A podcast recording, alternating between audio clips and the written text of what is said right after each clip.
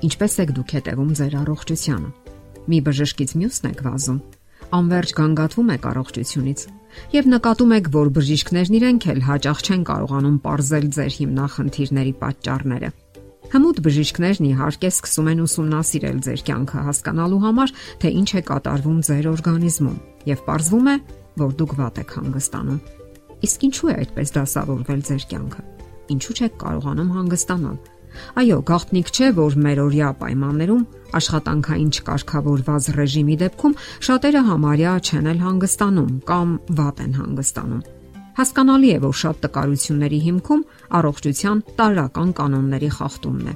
Օրգանիզմին ի վերուստ տրված են որոշակի օրենքներ ու կանոններ, որոնք երկարատև ու հուսալի առողջություն են ապարգևում նրան։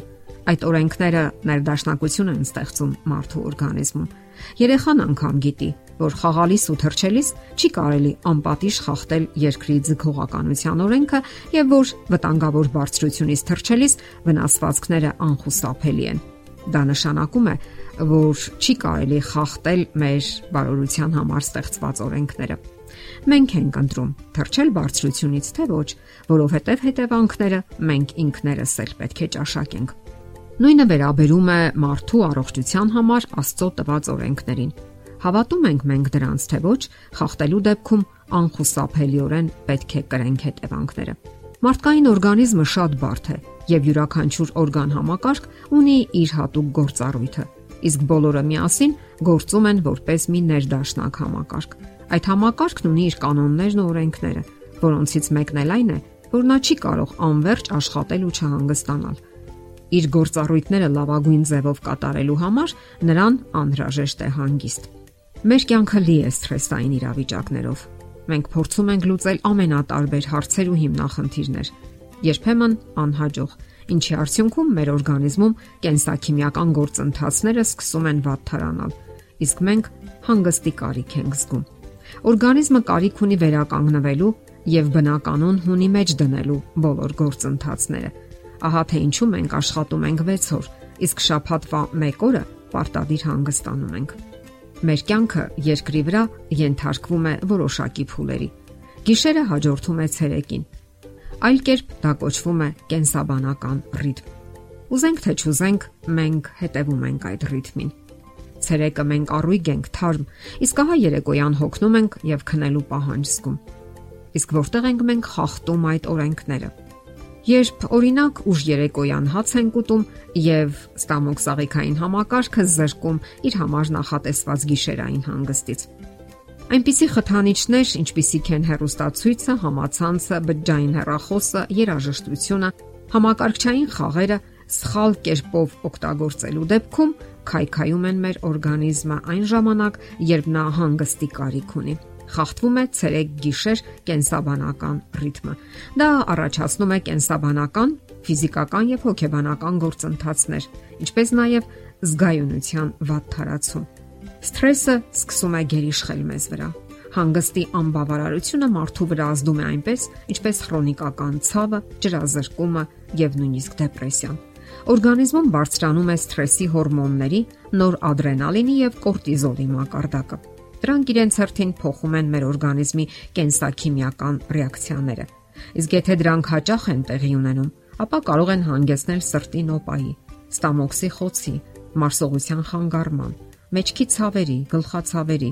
զարկերակի ճնշման բարձրացման։ Դրանից բացի այն թույլատնում է իմունիտետը եւ նպաստում քրոնիկական հիվանդությունների զարգացմանը։ Կարելի է հեշտությամբ ստուգել, թե ինչ ազդեցություն է թողնում անբավարար մարդու օրգանիզմի վրա։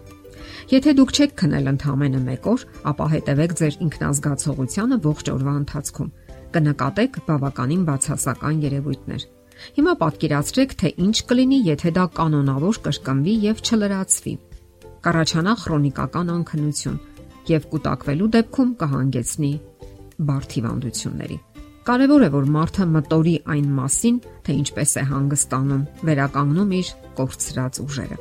Իսկ նա անպայման պետք է վերականգնի դրանք, որովհետև մեր օրգանիզմի pašարները անսպառ չեն եւ վրա է հասնում անխուսափելի հանգուցալուծումը։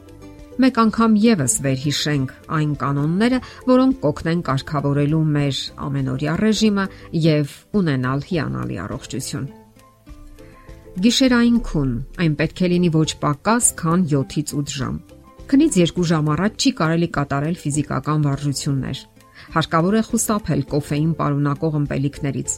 Դրանք են սուրճը, սեֆթեյը, կոկա-կոլան եւ այլն։ Դրանք պետք չէ օգտագործել հատկապես գիշերային ժամերին։ Հակառակ դեպքում հնարավոր չէ հանգիստ քնել։ Լավ քնելու համար անհրաժեշտ է, որ ննջարանը լինի մութ եւ հեռու բակային աղմուկից։ Խուսափեք այնպիսի ֆիլմերից կամ գրքերից, որոնք գրգռում են ձեր նյարդային համակարգը։ Արդյունքում քնում եք մակերեսային ոչ խոր եւ չեք կարող լիարժեք հանգստանալ։ Շաբաթվա 1 օրը բացարձակապես մի աշխատեք Հնարավորության դեպքում ավելացրեք եւս 1 օր։ Այն նվիրաբերեք միայն հանգստին։ Իսկ հանգստի տարբեր ձևեր կան։ Զբոսանք բնության գրկում կամ քաղաքային այգիներում եւ կուրակներում։ Սա ամենահեշտն է, հատկապես որ գումար ծախսելու կարիք չկա։ Կարող եք մտածել հանգստի ուրիշ եղանակների մասին։ Հիշենք, որ առողջությունը թեև ապարքև է, սակայն ունի իր կանոններն ու օրենքները, որոնց հետևելը միայն ու միայն մեր օգտին է։ Եթերում է առողջ ապրելակերպ հաղորդաշարը։ Ձեզ հետ է Գեղեցիկ Մարտիրոսյանը։ Հարցերի եւ առաջարկությունների համար զանգահարել 033 87 87 87 հեռախոսահամարով։